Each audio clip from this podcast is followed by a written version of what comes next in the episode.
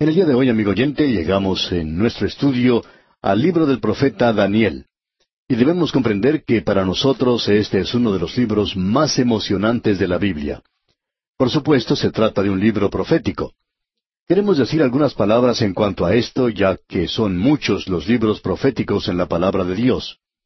Es necesario tener cuidado en cuanto a esto. Una cuarta parte de los libros de la Biblia son de naturaleza profética. El tema y la naturaleza de los libros son proféticos. Una quinta parte del contenido de las Escrituras fue predicha cuando fue escrita. Una gran parte de ésta ha sido cumplida ya. Y vamos a ver gran parte de la profecía cumplida aquí en este libro de Daniel. Así es que la profecía puede ser dividida en dos partes. La profecía cumplida y la profecía que no ha sido cumplida aún.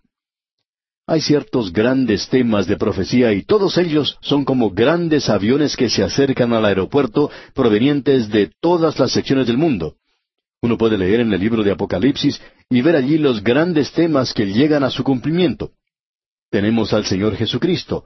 Él es el tema principal de la profecía. La nación de Israel, las naciones gentiles, el mal, Satanás, el hombre de pecado, la gran tribulación y también cómo va a terminar la edad presente. Luego tenemos a la iglesia. La iglesia, como ya hemos dicho anteriormente, no se encuentra en el Antiguo Testamento. Por tanto, no habrá ninguna referencia a ella en el libro de Daniel. Y luego tenemos el reino, el milenio y el futuro después de los mil años. Estos son los grandes temas de la profecía. Ningún estudiante de las Escrituras, ninguno que estudia la Biblia, puede llegar a ser un creyente de completa madurez sin el conocimiento de la escatología o de la profecía. Y el abandono de la profecía ha producido algunos resultados dañinos, los cuales creemos son muy evidentes en el presente. Encontramos esto en gran cantidad de los cultos de la actualidad, que se han apartado en áreas proféticas y creemos que esto es debido a que las grandes denominaciones del pasado no le prestaron la debida atención. El doctor Charles Hodge, un gran teólogo de la Universidad de Princeton, hizo la siguiente declaración y citamos sus palabras. El tema de la profecía no puede discutirse adecuadamente sin realizar un estudio de todas las enseñanzas proféticas de las Escrituras, las que se encuentran tanto en el Antiguo como en el Nuevo Testamento. Esta tarea no puede desarrollarla satisfactoriamente nadie que no haya hecho del estudio de las profecías su especialidad. El autor de estas palabras, amigo oyente, sabiendo que él no tenía tales calificaciones, no llenaba estos requisitos para la obra, se limitó a sí mismo, en gran parte, a la investigación histórica de los diferentes esquemas de interpretación de las escrituras proféticamente. Amigo oyente, esa fue una ambición sorprendente y triste de parte del Dr. Hodge, y como resultado, en muchas de las denominaciones del presente, uno encuentra que hay hombres que no están bien preparados para hablar sobre este tema. Y por supuesto, ellos lo rechazan y lo dejan de lado como si fuera algo sin importancia. Y hay muchos que se han involucrado en la profecía de tal manera que producen declaraciones sensacionales, salen con las cosas fanáticas y no debería ser así. Permítanos decir esto al comenzar nuestro estudio hoy en el libro de Daniel, porque es un libro con el cual ha debido tratar todo escritor sensacional. Y quizá alguien nos diga, entonces esa es la razón por la cual ustedes están tratando ahora con el libro de Daniel, ¿verdad? No, amigo oyente, no es así. Pero este es un libro que puede producir eso. A causa de la importancia del libro de Daniel, creemos que este libro ha sido atacado en manera especial por parte de Satanás. Es verdad que el libro de Isaías ha sido atacado. Isaías ha sido llamado el príncipe de los profetas. Bueno, nosotros decimos que Daniel es el rey de los profetas. Él es el más destacado de todos los profetas por la sencilla razón que fue el primer ministro de dos gobernantes mundiales. Y ya veremos esto al avanzar en nuestro estudio en este libro. Por esto entonces nos damos cuenta que el libro de Daniel es un campo de batalla entre los conservadores y los eruditos liberales. No queremos entrar en esto demasiado. Mucha de la discusión tiene que ver con la fecha del libro de Daniel. Porfirio, un hereje del tercer siglo, declaró que el libro de Daniel era una falsificación, que fue escrito durante el tiempo de Antipas Epífanes y de los Macabeos, alrededor del año 170 a.C., casi cuatrocientos años después de haber vivido Daniel. Bueno, los críticos alemanes se apoyan en esa hipótesis y junto con el doctor Driver han desarrollado esta clase de crítica. Estos críticos, así como también los incrédulos de nuestros días, asumen la premisa de que lo sobrenatural no existe. Por tanto, no puede haber una predicción, ya que la presencia es algo sobrenatural y uno no puede profetizar. Pero lo interesante es que la Septuaginta, la versión griega del Antiguo Testamento, fue escrita antes de Antipas Epífanes y contiene el libro de Daniel. Esa es la razón por la cual los eruditos liberales no han hecho mucho en cuanto a los rollos encontrados en las cuevas del Mar Muerto. Al mismo comienzo hablaron mucho cuando hicieron este descubrimiento, pero usted se ha dado cuenta que ya no hablan mucho de esto últimamente. ¿Por qué? Porque esos rollos confirman el hecho de que en esa época había solo un Isaías. A esta gente le gustaría ver un dúo de Isaías. Y hay algunos que gustarían ver un trío de Isaías. Pero lo interesante es que los pergaminos del Mar Muerto están muy vivos en el presente. Y ellos refutan la teoría liberal. Es interesante notar cómo esas cosas con el transcurso del tiempo tienen su respuesta. Y si usted nota, el hereje y el crítico siempre actúan en un área de la Biblia donde en el presente nosotros no tenemos un conocimiento completo. Así es que si uno va a especular, y ellos siempre especulan, y por esa razón uno puede especular de cualquier manera que quiera, y ellos especulan de una manera equivocada. Pero por lo general resulta que uno descubre que la palabra de Dios siempre es correcta. Ahora el historiador Flavio Josefo informa de un incidente que tuvo lugar durante la época de Alejandro Magno que apoya el origen de este libro que fue muy temprano. Cuando Alejandro Magno se acercó en su invasión al oriente cercano, el sumo sacerdote Jadua salió a encontrarse con él y le mostró una copia del libro de Daniel. Esto se menciona claramente, y eso causó tal impresión en Alejandro Magno que en lugar de destruir a Jerusalén, entró a la ciudad en son de paz y adoró en el templo. Sí, amigo oyente, debemos decirle que esas cosas contradicen a los críticos. Sin embargo, hay personas que actúan ciegamente en el presente. Es por eso que no queremos entrar en el prólogo de estas breves notas en un argumento sin valor y discutir en cuanto a las cosas que ya han sido solucionadas. Debemos decirle que aceptamos los descubrimientos de los eruditos conservadores de que Daniel no era un engañador y que este libro no era una falsificación. Pensamos que las declaraciones que hizo Eusic vienen muy bien aquí. Él dijo, el resto de lo que se ha dicho es nada más que una suposición insolente contra las escrituras basadas en la incredulidad. Y fue Sir Isaac Newton quien dijo, el rechazar a Daniel es rechazar la religión cristiana. El Señor Jesucristo llamó a los fariseos hipócritas, pero él llamó a Daniel el profeta. Y eso es interesante. Por supuesto que nosotros estamos de acuerdo con el Señor Jesucristo. Nosotros llamamos a Daniel profeta y llamamos a estos críticos hipócritas. Así es como pensamos y por supuesto podríamos estar equivocados. Usted debe notar que el Señor Jesucristo no cambió este orden o arreglo y la ratificación del Señor Jesucristo es válida y suficiente para todo creyente, así haya o no haya examinado los argumentos de los críticos, satisface al santo sincero sin que éste haya tenido que estudiar la respuesta de los eruditos conservadores. Reconocemos que de Daniel se habla en el Nuevo Testamento y como profeta. Ahora esto nos lleva a decir algunas palabras en cuanto a Daniel mismo, antes de entrar de lleno al libro de este profeta. Creemos que se conoce más de Daniel que de cualquier otro profeta. Tenemos una historia personal de su vida desde el momento en que fue llevado cautivo a Babilonia, y eso ocurrió en el año tercero del reinado de Joacim, alrededor del año 604 o 606 antes de Cristo, hasta el primer año del rey Ciro, que fue alrededor de 536 antes de Cristo. La vida y el ministerio de Daniel unen los setenta años de la cautividad. Al comienzo del libro, ese muchacho adolescente es al final un anciano de unos ochenta o más años. Aquí tenemos lo que Dios pensaba de Daniel. Daniel, varón muy amado. Yo no quisiera ser un crítico y llamar a Daniel un falsificador. Algún día me voy a encontrar cara a cara con Daniel en el cielo y allí voy a descubrir que él tiene una reputación muy buena, un hombre muy amado. A mí me gustaría que los críticos tuvieran esa clase de reputación en el cielo y en la tierra. Ahora hay tres palabras que caracterizan la vida de Daniel. Propósito, oración y profecía. En primer lugar, Daniel era un hombre de propósito. Ya vamos a ver eso. Cuando el rey decretó que todos tenían que comer la misma cosa, Daniel y sus amigos decidieron que ellos iban a obedecer la ley de Moisés. Él era un hombre de propósito. Y vamos a encontrar mención en cuanto a esto a través de todo este libro. Este hombre se mantuvo firme y tuvo el valor de hablar la palabra de Dios.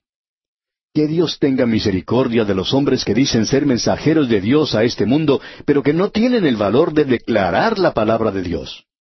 Gracias a Dios por aquellos que lo están haciendo en el presente, y hay muchos, por cierto, que lo están haciendo. Ahora, Daniel también era un hombre con un propósito.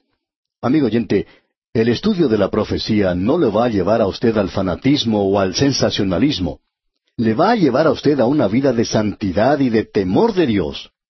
Juan dijo allá en su primera epístola, capítulo tres, versículo tres, y todo aquel que tiene esta esperanza en Él, se purifica a sí mismo, así como Él es puro.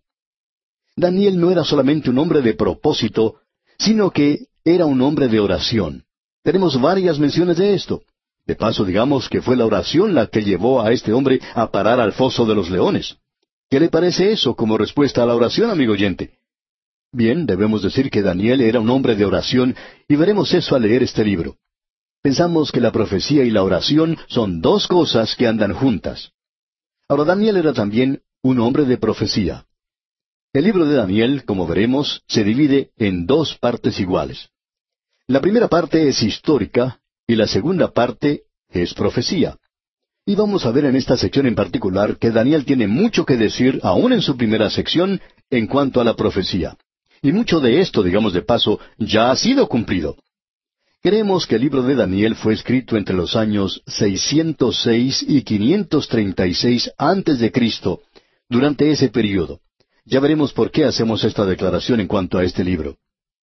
Ahora dijimos hace un momento que uno puede dividir a este libro en dos partes iguales. La primera parte la llamamos la noche histórica y la última la luz profética. En la última sección, comenzando con el capítulo siete hasta el doce, encontramos la luz profética en la noche histórica. En la primera sección, en el capítulo uno, tenemos la decadencia de Judá y la caída de Jerusalén. Daniel es llevado cautivo a Babilonia y él decide elegir a Dios. Luego, en el capítulo dos, tenemos el sueño de Nabucodonosor. En el capítulo tres tenemos el decreto de Nabucodonosor de obligar a una idolatría universal. Y luego, en el capítulo cuatro, tenemos el sueño de Nabucodonosor de un gran árbol. Ese árbol cayó y nos habla de su período de locura, de su período de enajenación mental. Y luego, en el capítulo cinco, se predice la caída de Babilonia. En el capítulo seis tenemos que un decreto de Darío coloca a Daniel en el foso de los leones. Y vamos a tratar de seguir este bosquejo, y en el día de hoy queremos por lo menos llegar al umbral de este libro en el capítulo uno. Y esperamos que usted tenga ante sí nuestras notas y bosquejos, porque esto va a ser de mucha ayuda en este estudio. Si no las tiene todavía, todo lo que usted tiene que hacer para recibirlas es escribirnos, como hemos dicho antes, y con todo gusto se las enviaremos a su dirección sin costo alguno de su parte. Así es que escríbanos hoy mismo. Al seguir nuestro estudio en este libro de Daniel, vamos a entrar en mucho detalle aquí. Creemos que la clave de este libro se encuentra en el capítulo dos, versículo cuarenta y cuatro, donde dice Y en los días de estos reyes el Dios del cielo levantará un reino que no será jamás destruido, ni será el reino dejado a otro pueblo. Desmenuzará y consumirá todos estos reinos, pero él permanecerá para siempre. Ahora en el capítulo primero tenemos, como hemos dicho, la decadencia de Judá, la caída de Jerusalén. A Daniel se le lleva cautivo a Babilonia y él decide ser fiel a Dios. En los primeros cinco versículos tenemos la decadencia y la caída de Jerusalén, así como también la batalla de Nabucodonosor. Luego, en los versículos seis al catorce, tenemos la decisión de Daniel, uno de los cautivos, de ser fiel a Dios. Y luego en los versículos quince al veintiuno tenemos la vida de Nabucodonosor en el desarrollo de Daniel y sus tres amigos. Veamos la caída y la decadencia previa de Jerusalén en manos de Nabucodonosor, rey de Babilonia. El versículo uno dice, En el año tercero del reinado de Joacim, rey de Judá, vino Nabucodonosor, rey de Babilonia, a Jerusalén y la sitió. Ahora Joacim había sido puesto en el trono de Judá por Faraón Necao para reemplazar a su hermano Joacás. Estos dos hombres eran hijos de Josías, pero ambos eran malos, aun cuando su padre, como hemos visto anteriormente, era un hombre muy piadoso. Él fue quien guió en realidad el último avivamiento. El verdadero nombre de Joacim era Eliakim, según leemos en el segundo libro de Reyes, capítulo 23, versículo 34. Y fue durante su reinado que Nabucodonosor vino por primera vez contra Jerusalén. Eso ocurrió alrededor del año 606 antes de Cristo. Él se apoderó de la ciudad en el año 604 antes de Cristo. La ciudad, sin embargo, no fue destruida, y el primer grupo de cautivos fue llevado a Babilonia. Entre estos se encontraba Daniel y sus tres amigos y miles de otras personas. Cuando murió Joacim, su hijo Joaquín ocupó el trono. Este se rebeló contra Nabucodonosor, quien en el año 598 sitió a Jerusalén nuevamente. Y esta vez tampoco es destruida Jerusalén, pero el rey y su madre y todos los utensilios de la casa del Señor fueron llevados a Babilonia, y ahora una cantidad mayor de prisioneros es llevada allí. Evidentemente, entre los que formaban este grupo estaba Ezequiel. Cuando estudiamos el libro de Ezequiel mencionamos muchos detalles en cuanto a esto, todo esto se puede leer en los capítulos 23 y 24 del segundo libro de los Reyes. Ahora Sedequías, el tío de Joaquín, quien fue hecho rey más adelante, también se rebeló contra Nabucodonosor, y esta vez Nabucodonosor vino contra la ciudad, destruyó el templo y quemó a Jerusalén. Y los hijos de Sedequías fueron asesinados en su presencia, y a él se le arrancó los ojos, como lo podemos leer en el segundo libro de Reyes, capítulo 25, versículo 7. Él fue a la cautividad en la deportación final alrededor del año 588 antes de Cristo. Y de paso digamos que eso fue en cumplimiento de la profecía que había dado Jeremías allá en Jeremías capítulo 25 versículos 8 al 13. Usted recuerda que Jeremías había dicho que los profetas que decían lo contrario eran profetas mentirosos, es decir, falsos profetas. Jerusalén iba a ser destruida. Ezequiel dijo lo mismo y estos dos hombres simplemente tuvieron la razón. Bien, vamos a dejar ese estudio aquí por hoy, amigo oyente, y lo continuaremos, Dios mediante, en nuestro próximo programa, y confiamos en que usted estudiará junto a nosotros cada capítulo de este interesante libro profético. Regresamos hoy, amigo oyente, a este maravilloso libro del profeta Daniel. Él fue llevado cautivo a Babilonia en la primera deportación, como vimos en nuestro programa anterior. Nabucodonosor llegó en el año 606 antes de Cristo y se llevó los cautivos alrededor del año 604 antes de Cristo. Y eso fue el comienzo de los setenta años de Daniel. Ya veremos eso más adelante. Y en el versículo 21 de este primer capítulo leemos, y continuó Daniel hasta el año primero del rey Ciro. Eso nos hace avanzar setenta años, o sea, al final de los setenta años. Vamos a tener algo más que decir en cuanto a esto cuando lleguemos a ese capítulo en particular. En nuestro programa anterior vimos que durante el reino de Joacim, rey de Judá, llegó Nabucodonosor y lo tomó a él cautivo.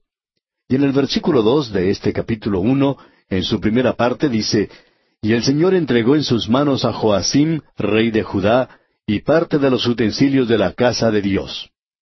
La otra parte de estos utensilios fueron llevados cuando Nabucodonosor vino por segunda vez, como vimos en nuestro programa anterior. Él regresó otra vez en el año 598 antes de Cristo, cuando Joaquín se rebeló. Aquí vemos que él tomó parte de los utensilios de la casa de Dios, y el versículo dos continúa diciendo, y los trajo a tierra de Sinar, a la casa de su Dios, y colocó los utensilios en la casa del tesoro de su Dios. Allí fue donde colocaron estas cosas. Ahora mantenga esto en su mente, amigo oyente, porque más adelante vendrá otro rey, probablemente el nieto del rey Nabucodonosor, y sacará esto para utilizarlo en su banquete. Continuemos ahora con el versículo tres. Y dijo el rey a Aspenaz, jefe de sus eunucos, que trajese de los hijos de Israel, del linaje real de los príncipes. Ahora este rey Nabucodonosor se llevó lo mejor que había de todos los cautivos de cualquier nación de la cual él se apoderaba. Y encontramos aquí que Daniel fue incluido entre estos. Pensamos que estos muchachos eran examinados y que ellos querían determinar la inteligencia que tenían. Estos hombres iban a ser preparados como hombres sabios para el rey de Babilonia, para aconsejarle, para asesorarle a él, y más adelante veremos que él les consultó a ellos. Un poco más adelante en este capítulo podemos ver que el versículo nueve nos dice, Y puso Dios a Daniel en gracia y en buena voluntad con el jefe de los eunucos. Nos preguntamos si esto le está diciendo algo a usted, amigo oyente. Bueno, permítame leer lo que dice el capítulo treinta y nueve de Isaías, versículo siete. Escuche usted. De tus hijos que saldrán de ti, y que habrás engendrado, tomarán y serán eunucos en el palacio del rey de Babilonia. Ahora Dios le está hablando al rey de esa época, y está hablando del tiempo de cautividad, y dice, de tus hijos que saldrán de ti, y que habrás engendrado, tomarán y serán eunucos en el palacio del rey de Babilonia. Daniel fue llevado cuando él tenía unos diecisiete años de edad. Esto es lo que la mayoría de los eruditos conservadores piensan. Y él fue hecho un eunuco. Así es que usted se puede dar cuenta por qué Daniel nunca se casó y por qué nunca tuvo hijos. Hay muchos que se preguntan por qué Daniel era diferente. Bueno, podemos decir que él no era una persona rara. Eso fue algo que el rey había hecho y algo que no destruía el desarrollo mental de estas personas. Esto hacía de ellos personas más dóciles para el rey y esto les permitía a ellos dedicar todo su tiempo al estudio que tenían que hacer. Creemos que si usted sabe algo en cuanto a las necesidades del presente, se dará cuenta que los jóvenes pasan mucho tiempo visitando a las jóvenes, a las chicas. Por supuesto que esa es una parte muy hermosa del estudio, pero uno no puede dedicar mucho tiempo al estudio de esa manera. Uno puede estudiar mucho, pero podría estudiar mucho más si no tuviera estas visitas con las jovencitas, con las señoritas. Ahora usted puede apreciar entonces que es el rey quien quiere que estos jóvenes le dediquen todo su tiempo al estudio, y una forma de hacer esto es haciéndolos a ellos eunucos. Y Daniel se encuentra entre ese grupo. Ahora en el versículo cuatro de este capítulo uno leemos muchachos en quienes no hubiese tacha alguna, de buen parecer, enseñados en toda sabiduría, sabios en ciencia y de buen entendimiento, e idóneos para estar en el palacio del rey, y que les enseñase las letras y la lengua de los caldeos. Permítame decirle, amigo oyente, que la Biblia no fue escrita por un grupo de hombres que eran ignorantes. Moisés aprendió toda la sabiduría de Egipto. Ellos eran gente muy avanzada, hasta sabían la distancia en que se encontraba la tierra del sol. Sabían que la tierra era redonda. Fueron los griegos quienes más tarde dijeron que la tierra era lisa, era plana, y ellos eran científicos de aquel día. La ciencia era la que enseñaba que la tierra era plana. La Biblia nunca dijo eso. La Biblia dijo que era un círculo. Ahora es interesante notar lo que ocurre con este joven Daniel. Daniel era un joven, y luego de haber pasado algún examen de inteligencia, se nota que él es una persona muy inteligente. Él era una persona muy destacada, y podemos decir que el apóstol Pablo también se encuentra en esa categoría. A veces nos cansa ver que hay algunos ateos que actúan como si la Biblia hubiera sido hecha por un grupo de personas ignorantes. Si usted, amigo oyente, piensa de esa manera, entonces debemos decirle que usted es el ignorante. El estudio de la palabra de Dios le puede revelar esto. Daniel, pues, era una persona muy inteligente, una persona muy brillante. Él va a aprender ahora la sabiduría de aquel día. No desprecie, amigo oyente, las enseñanzas de aquel día. Muchos hombres de hoy están muy avanzados en el conocimiento y en la ciencia, y creemos que Daniel podría ser ubicado en esa clase. Bien, ocurrió algo más aquí. Leamos el versículo cinco de este capítulo uno de Daniel. Y le señaló el rey ración para cada día, de la provisión de la comida del rey, y del vino que él bebía, y que los criase tres años para que al fin de ellos se presentasen delante del rey. Esta era la dieta, digamos, que tenían los paganos en este lugar, y eso incluirían animales inmundos. Usted debe recordar que Daniel era judío, él estaba bajo la ley de Moisés, y a ellos se les había dicho que no debían comer ciertas carnes, ciertas aves, ciertos peces. Ahora en el versículo seis y la primera parte del versículo siete leemos Entre estos estaban Daniel, Ananías, Misael y Azarías de los hijos de Judá. A estos el jefe de los eunucos puso nombres, puso a Daniel Belsasar. Como usted puede notar, amigo oyente, este jefe de los eunucos les cambió el nombre, les quitó los nombres hebreos y les dio nombres paganos.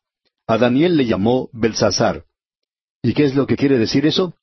Quiere decir un adorador de Baal, el dios pagano. Y continuando la lectura del versículo siete notamos que dice, a Ananías, Sadrach, a Misael, Mesac, y a Azarías, Abednego. Para algunos de nosotros estos son nombres conocidos, y estos nombres conocidos para nosotros son nombres paganos. Creemos que estos cuatro jóvenes fueron los que sacaron las marcas más altas en los exámenes que recibieron. Usted se da cuenta que Babilonia quería los mejores cerebros, así como también a los jóvenes de mejor estado físico.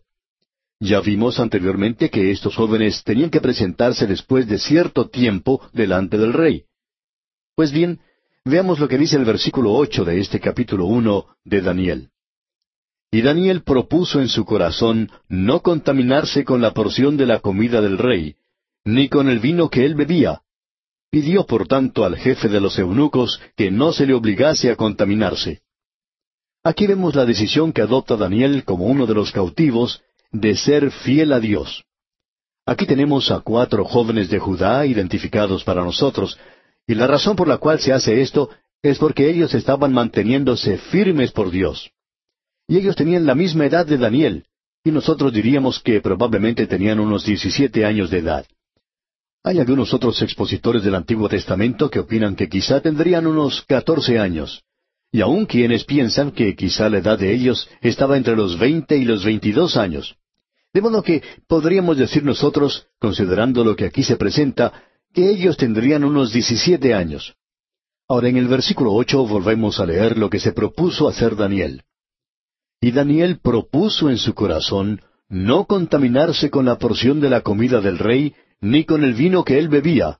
Pidió por tanto al jefe de los eunucos que no se le obligase a contaminarse. Este joven decide mantenerse fiel a Dios. Lo interesante de notar aquí es que él hace su decisión por Dios en una corte pagana. Bajo circunstancias normales esto hubiera sido algo fatal. Obviamente vemos que Daniel no está tratando de ganar un concurso de popularidad. Él no estaba tratando de complacer a Nabucodonosor. La decisión que él tomó, por cierto que no está de acuerdo con la posición moderna de compromiso, de avenencia que existe a nuestro alrededor. Su decisión no fue dictada por esa filosofía falsa de cómo ganar amigos e influenciar a la gente. Daniel no conocía nada de la política de los oportunistas, de hacer en Babilonia lo mismo que hacen los babilónicos. Daniel no se conformaba a este siglo, sino que fue transformado por medio de la renovación de su entendimiento para comprobar cuál era la buena voluntad de Dios agradable y perfecta para su propia vida. Daniel y sus amigos representan ese remanente judío que Dios tiene en todas las edades. De este remanente habla el apóstol Pablo en su epístola a los Romanos capítulo once versículo cinco, donde dice, Así también aún en este tiempo ha quedado un remanente escogido por gracia. Estos muchachos no querían comer la comida del rey. Bueno, entonces, ¿qué es lo que van a comer? Esto es un asunto muy importante ahora. Continuemos pues leyendo y al hacerlo creo que vamos a descubrir que estos jóvenes se van a rebelar contra el rey de Babilonia. Usted podrá apreciar que se les iba a hacer un lavado cerebral, ya que querían hacer de ellos personas de Babilonia tanto por dentro como por fuera. Ellos no solo se tenían que vestir como la gente de Babilonia, sino que también tenían que pensar como ellos. Ahora Daniel y sus amigos se encontraban bajo las leyes que se mencionan en el Antiguo Testamento. Nosotros hoy estamos en la era de la gracia, no estamos bajo el sistema de Moisés en cuanto al alimento, pero Daniel sí lo estaba. En Levítico capítulo once versículos cuarenta y cuatro al cuarenta y siete leemos, Porque yo soy Jehová vuestro Dios. Vosotros por tanto os santificaréis y seréis santos, porque yo soy santo. Así que no contaminéis vuestras personas con ningún animal que se arrastre sobre la tierra. Porque yo soy Jehová que os hago subir de la tierra de Egipto para ser vuestro Dios. Seréis pues santos, porque yo soy santo. Esta es la ley acerca de las bestias y las aves, y todo ser viviente que se mueve en las aguas, y todo animal que se arrastra sobre la tierra, para hacer diferencia entre lo inmundo y lo limpio, y entre los animales que se pueden comer y los animales que no se pueden comer. Ahora había algunas comidas que estaban completamente prohibidas para esta gente. No vamos a buscar esta cita, pero la puede encontrar usted en el libro del Levítico. También se habla allí de las carnes que se ofrecía a los ídolos, lo cual era repugnante para los israelitas piadosos. Ahora aquí tenemos a estos jóvenes hebreos. Daniel podía haber sido un nazareo a quienes se les prohibía beber el vino. En Números capítulo seis, versículo tres leemos, Se abstendrá de vino y de sidra, no beberá vinagre de vino, ni vinagre de sidra, ni beberá ningún licor de uvas, ni tampoco comerá uvas frescas y secas. Estos jóvenes estaban siguiendo las enseñanzas que se les había dado aquí. El profeta Isaías dijo en su libro, capítulo 52 y versículo 11, Apartaos, apartaos, salid de allí, no toquéis cosa inmunda, salid de en medio de ella, purificaos los que lleváis los utensilios de Jehová. Pero para nosotros los creyentes del presente, el apóstol Pablo tiene algo que decir allá en su primera epístola a los Corintios, capítulo diez, versículos veinticinco al veintisiete. Dice el apóstol Pablo, De todo lo que se vende en la carnicería, comed, sin preguntar nada por motivos de conciencia, porque del Señor es la tierra y su plenitud. Si algún incrédulo os invita y queréis ir, de todo lo que se os ponga delante, comed, sin preguntar nada por motivos de conciencia. También en el capítulo ocho, versículo ocho, de la primera epístola a los Corintios, el apóstol Pablo dice, Si bien la vianda no nos hace más aceptos ante Dios, pues ni porque comamos seremos más, ni porque no comamos seremos menos. Notemos ahora lo que hacen estos jóvenes que se mantienen firmes bajo la ley mosaica, ley que ellos debían obedecer. Ellos tomaban una posición por Dios.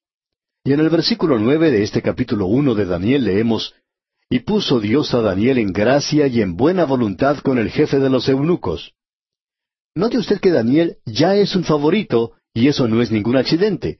Dios estaba obrando a su favor de la misma manera en que obró en José en la tierra de Egipto. Y en el versículo diez leemos, Y dijo el jefe de los eunucos a Daniel, Temo a mi señor el rey, que señaló vuestra comida y vuestra bebida, pues luego que él vea vuestros rostros más pálidos que los de los muchachos que son semejantes a vosotros, condenaréis para con el rey mi cabeza. El jefe de los eunucos no quería obligar a estos jóvenes a que comiesen esta dieta, pero él se encontraba en una situación bastante difícil. ¿Qué es lo que va a hacer entonces? Porque él había hallado favor en sus ojos, y debemos escuchar lo que Daniel dice en estos versículos once y doce. Escuche usted. Entonces dijo Daniel a Melzar, que estaba puesto por el jefe de los eunucos sobre Daniel, Ananías, Misael y Azarías, Te ruego que hagas la prueba con tus siervos por diez días, y nos den legumbres a comer y agua a beber. En lugar de legumbres, creo que sería mejor decir que ellos estaban comiendo cereales. Es lo que muchos de nosotros comemos todas las mañanas al desayunar. El comer el cereal ayuda a tener una buena condición física, y eso es lo que Daniel está diciendo al jefe de los eunucos. Él no se va a convertir en un vegetariano. Y luego en el versículo trece continuamos leyendo, Compara luego nuestros rostros con los rostros de los muchachos que comen de la ración de la comida del rey, y haz después con tus siervos según veas. Es decir, que Daniel quiere que se ponga a prueba esto por unos pocos días, unos diez días, según menciona aquí en el versículo doce, para ver si ellos no están en la misma condición física que los demás, o si están mejor que los demás. Lo interesante de notar aquí es que Dios hizo que este hombre Melzar aceptara la propuesta de Daniel, y ahora se va a llevar a cabo la prueba pero vamos a tener que esperar hasta nuestro próximo programa, Dios mediante, para ver el resultado de esto, ya que es algo sumamente interesante y estamos seguros, amigo oyente, que usted no querrá perderse el resultado de esta prueba. Quisiéramos ahora hacer un pequeño repaso aquí porque el libro de Daniel es un libro muy interesante. Es probablemente el mejor conocido de todos los profetas. Y por supuesto, todas las herejías, todos los críticos bien duros, los cultos y sectas, todos van al libro de Daniel, son atraídos por este libro. Nosotros vamos a tratar de ver de qué trata realmente este libro de Daniel. Nos encontramos ahora en una sección que es histórica. Eso lo forman los primeros seis capítulos, como ya hemos indicado. Tenemos la noche histórica y la luz profética. Esto nos indica que hay profecía en esta sección, pero se nos da esto como una historia, y la mayoría de todo lo que aquí se menciona ya ha sido cumplido. Tenemos luego en la última sección que comienza con el capítulo siete y finaliza con el capítulo doce, la luz profética en la noche histórica. No rechazamos la historia porque se nos presenta esto en la última sección, pero el énfasis allí es en cuanto a la profecía, y una profecía que aún no ha sido cumplida. Esto pues hace de este libro de Daniel algo realmente cautivante. Regresamos hoy al capítulo uno de Daniel, y este jovencito de unos diecisiete años de edad es llevado a la cautividad. Aparentemente tuvo que pasar un examen que Nabucodonosor tenía para los cautivos. Él estaba seleccionando lo mejor de ellos y les dio un examen. Nabucodonosor les iba a dar un verdadero lavado cerebral para hacer de ellos personas babilónicas y que ellos dependieran de él completamente para llegar a ser sus consejeros y sus ayudantes. Y Daniel fue uno de ellos. Daniel fue hecho un eunuco, como vimos en nuestro programa anterior, y se le dio cierta instrucción. Pero hubo algunas cosas que él rechazó, y una de ellas es que él no iba a comer lo que comían los demás, porque si él hacía eso, entonces repudiaría, rechazaría la ley de Moisés. A él no se le hizo rechazar, pues, la ley de Moisés, él estaba bajo la ley, y en esa ley se mencionan ciertas carnes que uno no debe comer y no podía comer. También aparentemente era un nazareo, y un nazareo no podía beber vino, y esta era parte de la dieta que se había preparado para él y que él rechazó. Ahora se nos dice que él propuso en su corazón.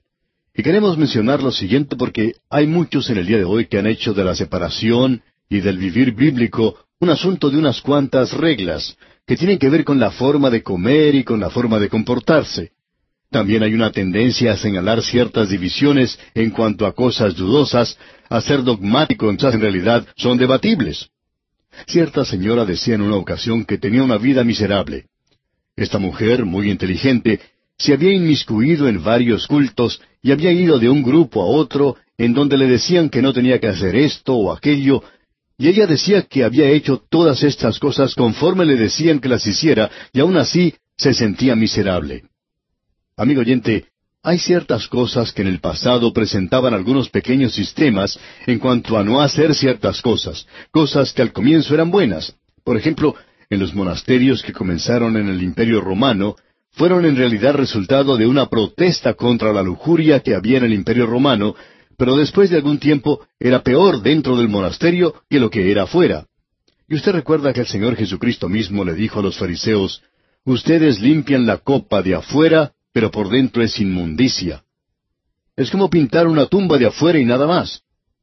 Y amigo oyente, lo que nosotros gozamos no es gracias a las obras de justicia que nosotros hemos hecho, sino según su misericordia. Es decir, nosotros debemos tener una vida nueva, de parte de Dios. Tenemos que nacer de arriba.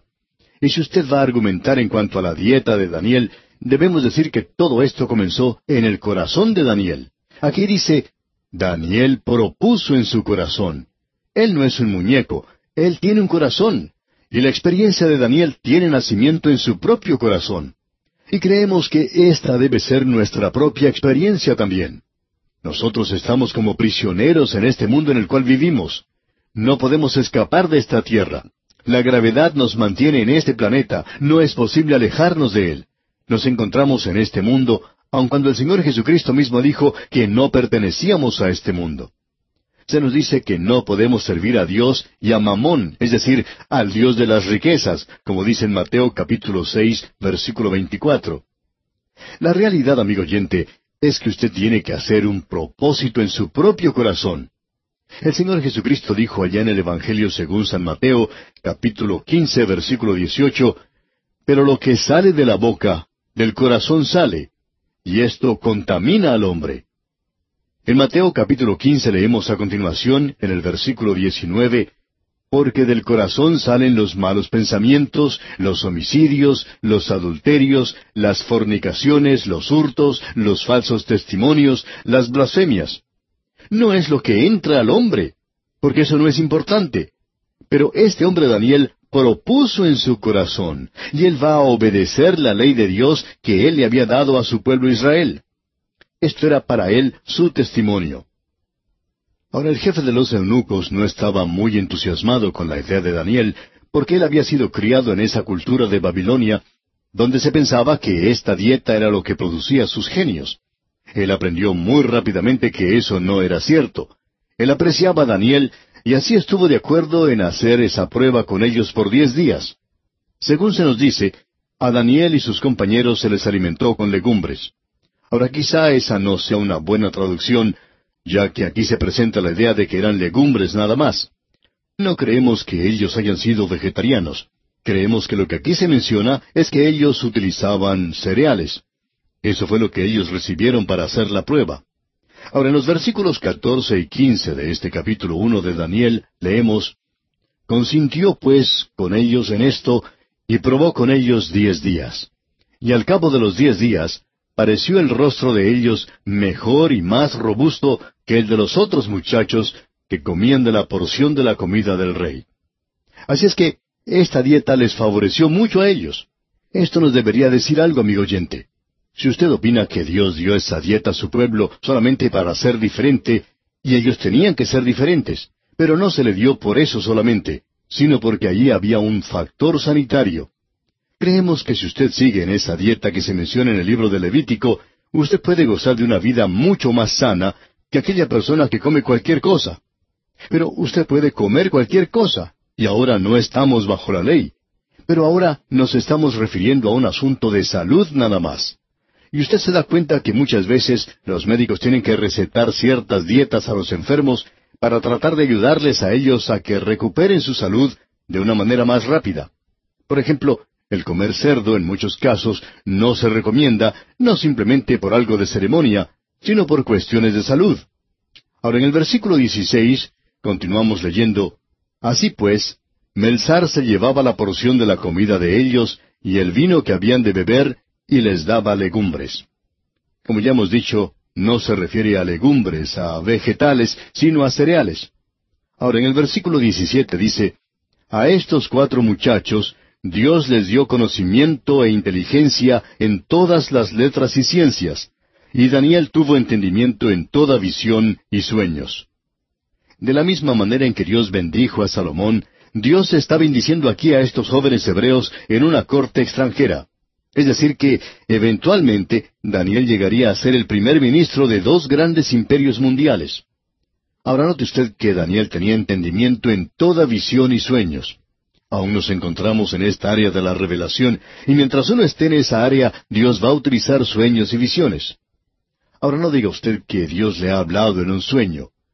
En una ocasión una dama se acercó al predicador y le dijo que había tenido el sueño más maravilloso y procedió a contarle el sueño. El predicador le dijo, Hermana, si usted se fija en qué fue lo que comió para la cena esa noche, probablemente encontrará la explicación para su sueño. No creemos que Dios nos esté hablando de esa manera hoy. Él nos habla en su palabra. Para muchas personas es más fácil soñar algo que estudiar la palabra de Dios. Hay algunos estudiantes que oran muy piadosamente la noche anterior a un examen. Esos jóvenes no estudian mucho, pero son muy piadosos y oran mucho, y hasta colocan la Biblia debajo de su almohada. Cierto joven decía que eso era lo que él hacía. La verdad es que no sabemos qué es lo que estos jóvenes piensan. Tal vez piensan que los nombres de los reyes de Israel y de Judá van a pasar a través de la almohada y van a alojarse en su cerebro. No creemos que el Espíritu Santo ayude a una persona perezosa, y Él no le sirve de muleta a una persona perezosa. Si uno quiere aprender, tiene que estudiar la palabra de Dios, y Dios habla por medio de ella. Ahora estos hombres aquí tienen la palabra de Dios. Uno puede ver que Daniel tenía el libro de Jeremías porque él se refiere a ese libro más adelante. Pero Dios está hablando porque este hombre ahora está escribiendo uno de los libros de la Biblia. Ahora el versículo 18 del primer capítulo de Daniel nos dice, Pasados pues los días al fin de los cuales había dicho el rey que los trajesen, el jefe de los eunucos los trajo delante de Nabucodonosor. Ahora Nabucodonosor va a examinar el estudio o entrenamiento que han recibido estos jóvenes para ver si han aprendido bien. Creemos que es una equivocación el tratar de maltratar a una persona y tratar de hacer un lavado cerebral de esa manera. Hay sistemas que tratan de dominar completamente a los seres humanos y el hombre tiene que darse por vencido porque solamente puede soportar un poco de penurias. Y hay sistemas que tratan de hacer eso, pero no es la forma de hacerlo. Nabucodonosor en su tiempo sabía cómo hacer eso. Este hombre les dio buena comida y más adelante les daba un cargo alto en el gobierno. Y ahora él los examina. Él lo hace de una manera muy amigable. Así es como uno puede hacer amigos e influenciar a la gente. Esa es la filosofía que él utilizaba. Así que ahora Nabucodonosor hace que estos hombres vengan a él. Y en el versículo 19 leemos, Y el rey habló con ellos, y no fueron hallados entre todos ellos otros como Daniel, Ananías, Misael y Azarías. Así pues, estuvieron delante del rey. Él quedó muy sorprendido con estos cuatro muchachos. Él pensaba que eran verdaderamente genios. Así que ellos reciben una buena posición, un buen cargo. Y leemos en el versículo veinte, En todo asunto de sabiduría e inteligencia que el rey les consultó, los halló diez veces mejores que todos los magos y astrólogos que había en todo su reino. El rey entonces coloca a Daniel a la cabeza de la clase. El versículo 21 dice, Y continuó Daniel hasta el año primero del rey Ciro. Podemos apreciar aquí la duración de la vida de Daniel, ya que él comenzó en esta posición cuando tenía unos diecisiete años y termina alrededor de los noventa años de edad. Así es que él cubrió los setenta años de la cautividad. Él no regresó. Aparentemente Daniel falleció antes de que ellos regresaran aunque no tenemos ninguna información en cuanto a esto. Llegamos ahora al segundo capítulo del libro de Daniel.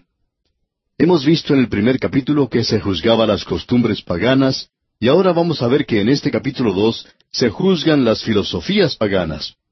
Aquí vamos a ver el sueño que tuvo Nabucodonosor en cuanto a una imagen de muchos metales y la interpretación que Daniel da, que tiene relación con cuatro reinos de la era de los gentiles. Y estamos entrando ahora a una de las grandes secciones de la palabra de Dios en cuanto a la profecía se refiere. En esta imagen de varios metales, junto con las cuatro bestias del capítulo siete y de los setenta años de Daniel, tenemos lo que llamaríamos nosotros la columna vertebral de la profecía, así como también las costillas de la profecía. Y uno nunca puede tener el esqueleto de la profecía a no ser que uno tenga estos dos pasajes de las Escrituras del Antiguo Testamento. Todo lo que el Señor Jesucristo dijo en su discurso del Monte de los Olivos estaba basado en realidad en el libro de Daniel. Cuando los discípulos le preguntaron qué señal habría cuando esas cosas se fueran a cumplir, él dijo, Pero cuando veáis la abominación desoladora de que habló el profeta Daniel, conoced que está cerca a las puertas. Él les habló muy claramente diciendo que cuando Jerusalén fuera rodeada por los ejércitos, que eso iba a indicar el tiempo de los gentiles, y continuaría hasta que se cumpliera ese período conocido como el tiempo de los gentiles. Así que esto hace de este capítulo dos de Daniel, el cual vamos a estudiar, algo muy importante. En este capítulo dos tenemos el sueño de Nabucodonosor y la demanda que él hace de los sabios de Babilonia. Eso lo vemos en los primeros nueve versículos. Luego, en los versículos diez al trece, tenemos el decreto de Nabucodonosor de destruir a los sabios por no haberles podido interpretar ese sueño. Luego tenemos el deseo de Daniel de que se le dé tiempo para mostrar la interpretación al rey. Eso lo vemos en los versículos 14 al 18. Tenemos después que Daniel describe detalladamente el sueño a Nabucodonosor en los versículos 19 al 35.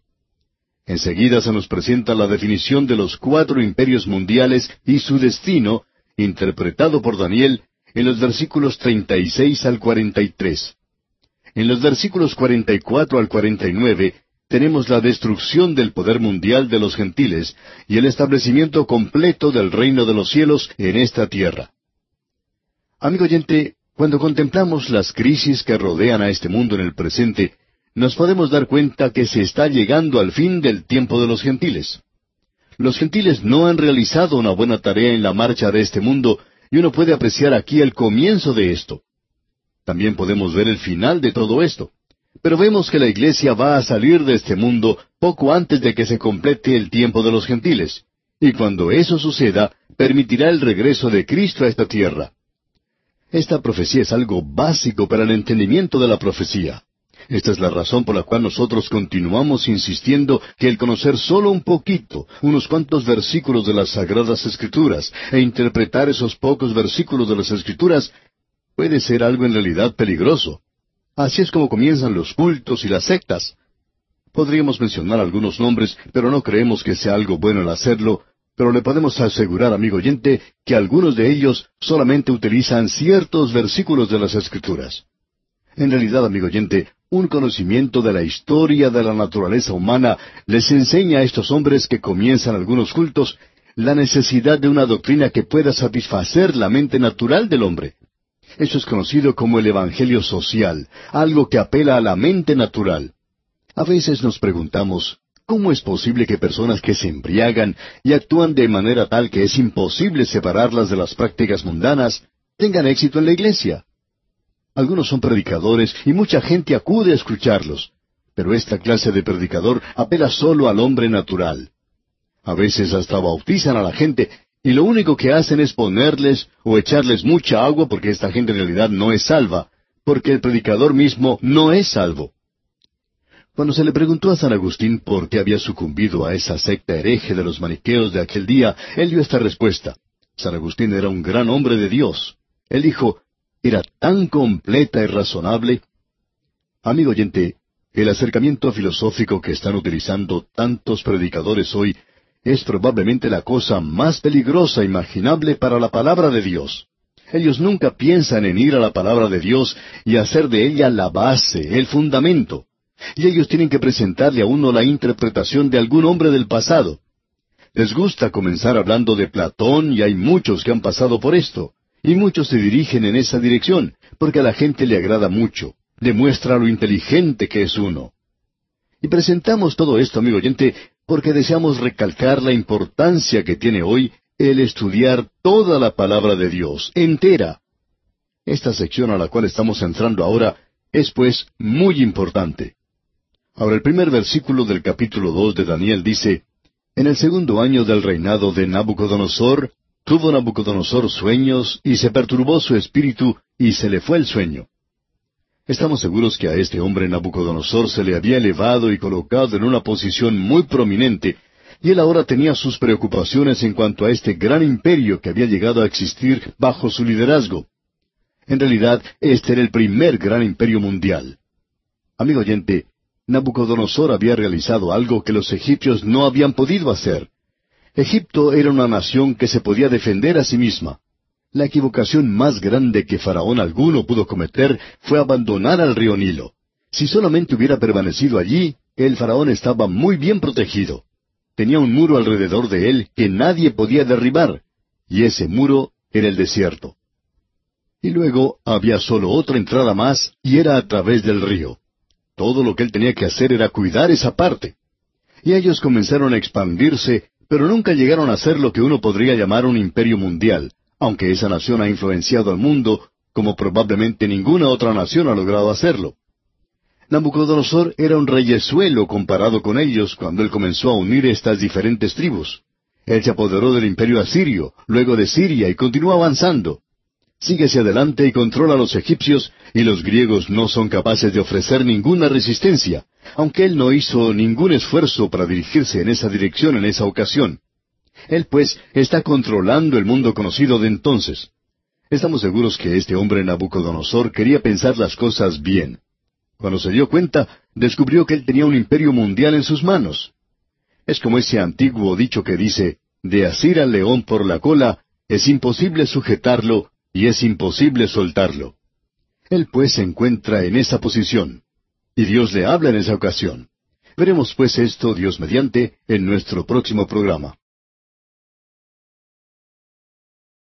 En nuestro programa anterior, amigo oyente, dejamos este estudio en la corte del primer gran imperio mundial, en el palacio de Nabucodonosor. Este hombre había soñado algo que le había perturbado, y él estaba pensando en cuanto al futuro del gran imperio que él había fundado. ¿A dónde iría a parar todo esto? Y amigo oyente, después de dos mil quinientos o tres mil años de historia de la humanidad desde entonces, todavía nosotros nos estamos preguntando en cuanto a esto. Hay muchas personas que han hecho la misma pregunta. Bueno, aquí tenemos la respuesta en este pasaje. Los versículos dos y tres de este capítulo dos de Daniel nos dicen hizo llamar el rey a magos, a astrólogos, encantadores y caldeos para que le explicasen sus sueños.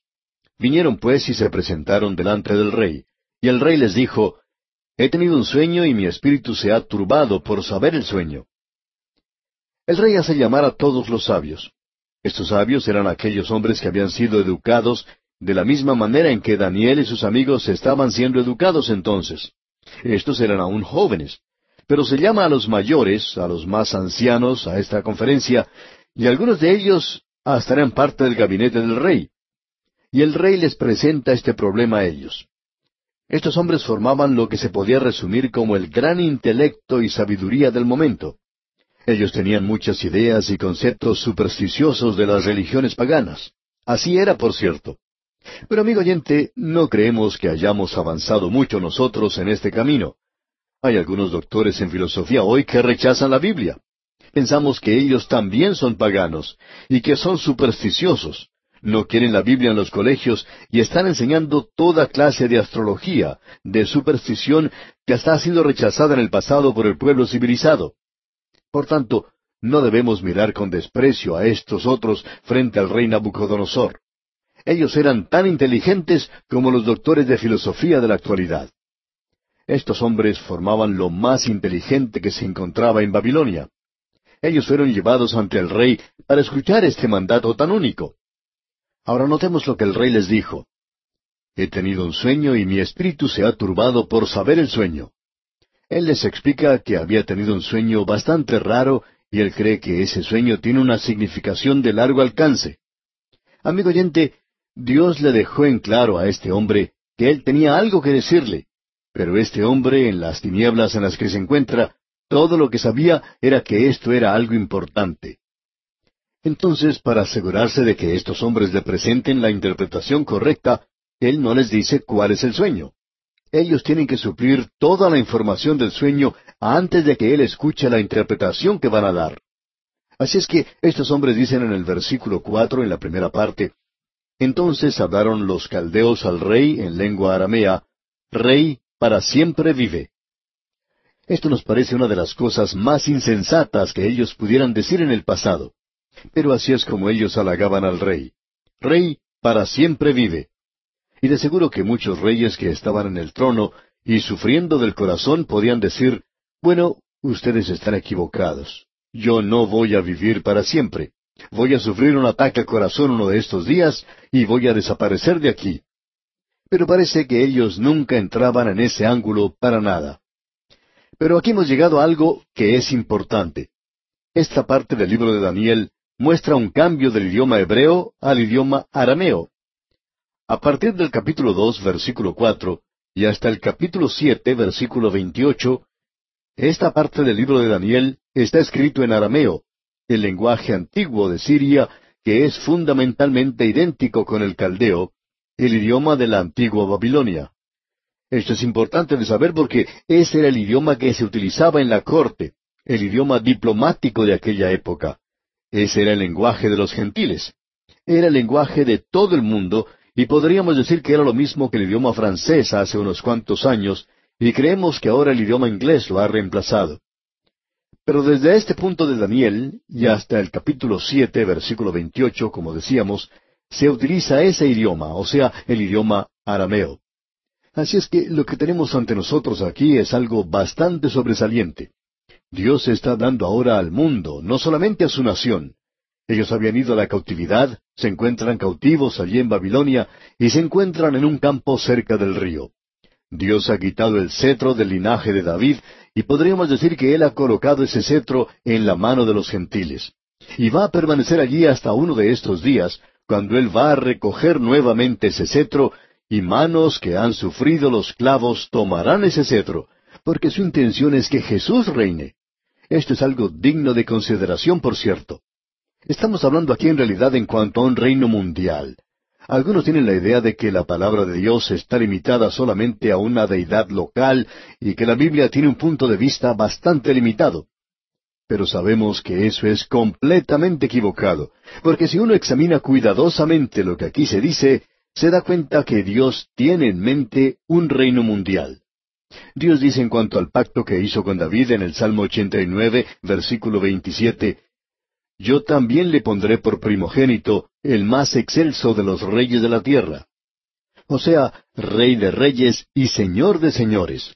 Y en el versículo 34 del Salmo 89 y hasta el versículo 37 dice, No olvidaré mi pacto, ni mudaré lo que ha salido de mis labios. Una vez he jurado por mi santidad, y no mentiré a David. Su descendencia será para siempre, y su trono como el sol delante de mí. Como la luna será firme para siempre, y como un testigo fiel en el cielo. Dios está diciendo, si usted sale y el sol ha desaparecido de los cielos y la luna no se ve en la noche, entonces sabrá que he cambiado o mudado lo que había pensado. Pero mientras se vean estos astros, sabrán que yo voy a poner a mi rey sobre esta tierra. Él está hablando de algo global y no solamente de una situación local. Aquí tenemos al primer gobernante mundial, y el idioma que se utiliza es el idioma de aquel día. Y el rey dice aquí, en el versículo cinco, Respondió el rey y dijo a los caldeos, El asunto lo olvidé. Si no me mostráis el sueño y su interpretación, seréis hechos pedazos y vuestras casas serán convertidas en muladares. Ahora esto parece que es un juicio extremo, muy severo, pero usted puede apreciar lo que busca el rey, y a causa de una traducción no muy exacta, se da la impresión aquí de que el rey se ha olvidado de su sueño. La realidad es que él no se ha olvidado de su sueño. Lo opuesto es lo correcto. Él sabe cuál es el sueño y piensa que es importante, y no se lo quiere mencionar a estos sabios. Él quiere recibir una interpretación correcta del sueño.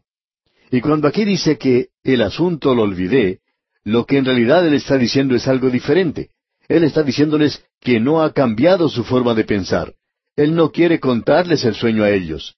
Ellos deben producir ese sueño y también producir su interpretación. El castigo que se menciona aquí es, por cierto, algo muy severo. El rey está inculcando en esta gente el temor de Jehová. Ellos tienen que producir la interpretación del sueño, pero también tienen que contarle primero cuál era ese sueño. Ahora, en el versículo seis de este capítulo dos de Daniel leemos, Y si me mostrareis el sueño y su interpretación, recibiréis de mí dones y favores y gran honra. Decidme pues el sueño y su interpretación. Por otro lado, podemos ver que este rey podía ser muy generoso y caritativo. Este hombre era dominado por sus emociones, como podemos ver. Él está diciendo aquí, si ustedes me dan la interpretación correcta, yo les voy a recompensar abundantemente. Y luego ellos le contestan en el versículo siete diciendo, Respondieron por segunda vez y dijeron, Diga el rey el sueño a sus siervos, y le mostraremos su interpretación. Estos sabios se dan cuenta de la situación peligrosa en la que se encuentran y cautelosamente le sugieren al rey que les cuente el sueño y que luego ellos le darán la interpretación. Y podemos garantizarle una cosa, amigo oyente, y es que ellos van a darle una interpretación al rey, pero no pueden decir cuál fue ese sueño. Y en el versículo ocho dice entonces el rey, El rey respondió y dijo, Yo conozco ciertamente que vosotros ponéis dilaciones, porque veis que el asunto se me ha ido. El rey se da cuenta de que ellos han quedado empantanados, digamos. Están tratando de ganar tiempo. Y el rey se da cuenta de esto y se los hace saber a ellos. Y el versículo nueve continúa diciendo, Si no me mostráis el sueño, una sola sentencia hay para vosotros. Ciertamente preparáis respuesta mentirosa y perversa que decir delante de mí entre tanto que pase el tiempo. Decidme pues el sueño para que yo sepa que me podéis dar su interpretación. El rey está demostrando aquí su falta de confianza en los sabios de Babilonia. Probablemente ellos le habían fallado anteriormente de la misma manera en que los profetas de Baal le fallaron a Acaz, pero siendo que él había sido muerto en la batalla, no pudo desquitarse de ellos. Pero Nabucodonosor se da cuenta que estos hombres le han estado dando información que no es correcta. De modo que él ahora los está sometiendo a una verdadera prueba. Hasta este punto pensamos que el razonamiento de Nabucodonosor es muy lógico. Si ellos pueden decirle cuál es su sueño, entonces él puede llegar a la conclusión razonable de que su interpretación es genuina. De otra manera, entonces, cualquier interpretación puede caer bajo sospecha, aun si proveyeran la correcta. Y aquí tenemos entonces el decreto de Nabucodonosor de que iba a destruir a todos estos hombres por haber fracasado en decirle a él el sueño. Y en el versículo diez leemos, Los caldeos respondieron delante del rey y dijeron, No hay hombre sobre la tierra que pueda declarar el asunto del rey. Además de esto, Ningún rey, príncipe ni señor preguntó cosa semejante a ningún mago ni astrólogo ni caldeo. Esos hombres están desesperados ahora y están clamando al rey para que perdone sus vidas. Ellos están tratando de demostrar que lo que él está demandando es una cosa que no es razonable. Y si uno deja lo sobrenatural de lado en esas demandas del rey, entonces sí es así. Pero esta gente ha dicho ser superior, y entonces Él les está pidiendo que demuestren que son superiores. Y en el versículo once leemos, Porque el asunto que el rey demanda es difícil, y no hay quien lo pueda declarar al rey, salvo los dioses cuya morada no es con la carne. Lo que en realidad ellos están diciendo es, nosotros no tenemos ninguna comunicación con el cielo. Hasta han confesado que sus dioses no les estaban dando ninguna clase de información. Ellos finalizan su argumento diciendo que ningún ser humano puede satisfacer esas demandas. Esto, por supuesto, va a preparar el camino para Daniel. Y en el versículo 12 dice, Por esto el rey con ira y con gran enojo mandó que matasen a todos los sabios de Babilonia. El rey demuestra aquí ese temperamento tan violento por el cual es conocido. Es otro síntoma de la psicosis que él está sufriendo. Ya veremos esto más adelante. Así es que el rey ordena que estos hombres sean muertos. Y continuamos leyendo en el versículo trece, y se publicó el edicto de que los sabios fueran llevados a la muerte, y buscaron a Daniel y a sus compañeros para matarlos. Ahora esto va a incluir también a Daniel y a sus amigos. Ellos recién ahora están recibiendo su educación, pero ellos están siendo educados por esa misma gente, y el rey ya ha perdido toda su confianza en ellos. Esta orden tan precipitada del rey de Babilonia de dar muerte a todos los sabios de su nación también causará la muerte de hombres que en realidad eran inocentes. Ellos no tenían ninguna responsabilidad en esto. Este hombre era un dictador y sus órdenes se llevaban a cabo sin ninguna discusión. Él podía hacer en realidad lo que quería. Este decreto o edicto del rey, pues, incluía a todos los sabios, aun aquellos que se encontraban en proceso de educación en el momento en que no habían tenido ninguna oportunidad de contarle el sueño al rey. Queremos pues que usted note, amigo oyente, que en los versículos catorce al dieciocho se nos muestra el deseo de Daniel de que se le dé tiempo para poder contar ese sueño. Esta es una sección bastante cautivante, por cierto. Leamos los versículos catorce y quince. Entonces Daniel habló sabia y prudentemente a Arioc, capitán de la guardia del rey, que había salido para matar a los sabios de Babilonia. Habló y dijo a Arioc, capitán del rey, ¿Cuál es la causa de que este dicto se publique de parte del rey tan apresuradamente? Entonces Arioc hizo saber a Daniel lo que había. Daniel muestra cierta perplejidad con este apresurado e injusto decreto del rey, y él usa la prudencia cuando trata de recoger información de parte de Arioc, quien era capitán de la guardia del rey, lo que indica que estaba en el servicio secreto. Al estar a cargo de eso, él podía entrar a la presencia del rey. Podía haber sido interesante saber todo lo que Arioc le comunicó a Daniel. Y nos preguntamos si le habrá sugerido que el rey estaba un poco mal de la cabeza.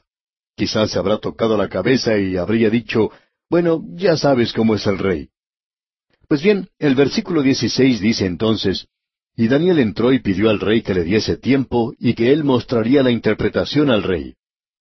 Ahora Daniel solicitó una audiencia con el rey. Él ya había hallado favor con él, así es que él le solicita esta audiencia para pedirle que le dé tiempo para contarle el sueño. Esto parecería demostrar presunción de parte de Daniel, una acción de parte de un joven con demasiada confianza en sí mismo. Sin embargo, los hechos que siguen a esto nos revelarán que era la confianza de un hombre con fe en Dios. Ahora los versículos 17 y 18 entonces nos dicen, Luego se fue Daniel a su casa e hizo saber lo que había a Ananías, Misael y Azarías, sus compañeros, para que pidiesen misericordias del Dios del cielo sobre este misterio, a fin de que Daniel y sus compañeros no pereciesen con los otros sabios de Babilonia. Ahora notemos algo aquí que es muy interesante. Ya hemos destacado esto con anterioridad, de que ellos pidiesen misericordia del Dios del cielo. Esto es algo que uno encuentra solamente en estos libros de Nehemías, de Esdras y ahora aquí en el libro de Daniel. Amigo oyente, después de que la gloria de Dios se apartó de Jerusalén y del templo y del lugar santísimo, y todo eso fue destruido, ahora a Él se le llama como al Dios del cielo. Estos hombres no tenían una noción limitada de Dios, de que Él se encontraba en un pequeño templo de Jerusalén y que Él podía morar allí. Él es el Dios del cielo. Y nos dice aquí que Él pedía las misericordias de Dios, lo que revela la base de sus oraciones. Dios no responde a las oraciones gracias al valor o al esfuerzo o al carácter de las obras de las personas que están orando. Toda oración debe descansar en su misericordia, o sea, en la misericordia de Dios. El orar en el nombre del Señor Jesucristo indica sencillamente que nosotros nos acercamos a Dios no en base a nuestros méritos, sino en base a los méritos de Jesús, y nosotros le pedimos a Él misericordia. Comenzando entonces con el versículo 19, tenemos una larga sección de este capítulo donde Daniel describe el sueño de Nabucodonosor en detalle como una imagen de varios metales. Leamos el versículo 19. Entonces el secreto fue revelado a Daniel en visión de noche, por lo cual bendijo Daniel al Dios del cielo. Nosotros pensamos que Dios le reveló, que Dios le dio a Daniel el mismo sueño que le había dado a Nabucodonosor. Y esa sería la manera en que Dios se comunicaba con Daniel. Esto nos parece una explicación bastante razonable. Ahora en los versículos veinte al veintitrés leemos Y Daniel habló y dijo Sea bendito el nombre de Dios de siglos en siglos, porque suyos son el poder y la sabiduría. Él muda los tiempos y las edades, quita reyes y pone reyes, da la sabiduría a los sabios y la ciencia a los entendidos. Él revela lo profundo y lo escondido, conoce lo que está en tinieblas, y con él mora la luz. A ti, oh Dios de mis padres, te doy gracias y te alabo, porque me has dado sabiduría y fuerza, y ahora me has revelado lo que te pedimos, pues nos has dado a conocer el asunto del rey. Aquí tenemos una de las varias oraciones mencionadas de Daniel, y usted recuerda que, entre otras cosas, habíamos dicho que Daniel era un hombre de propósito, que Daniel era un hombre de oración y que Daniel era un hombre de profecía. No estamos seguros, pero pensamos que quizá esta oración haya sido una de las más importantes. Aquí podemos pues apreciar esta tremenda oración. Y solamente Dios puede revelar el secreto, y no un Daniel. Y aquí tenemos esta oración de agradecimiento de parte de él. Ahora, él está listo para ir y solicitar otra audiencia con el rey.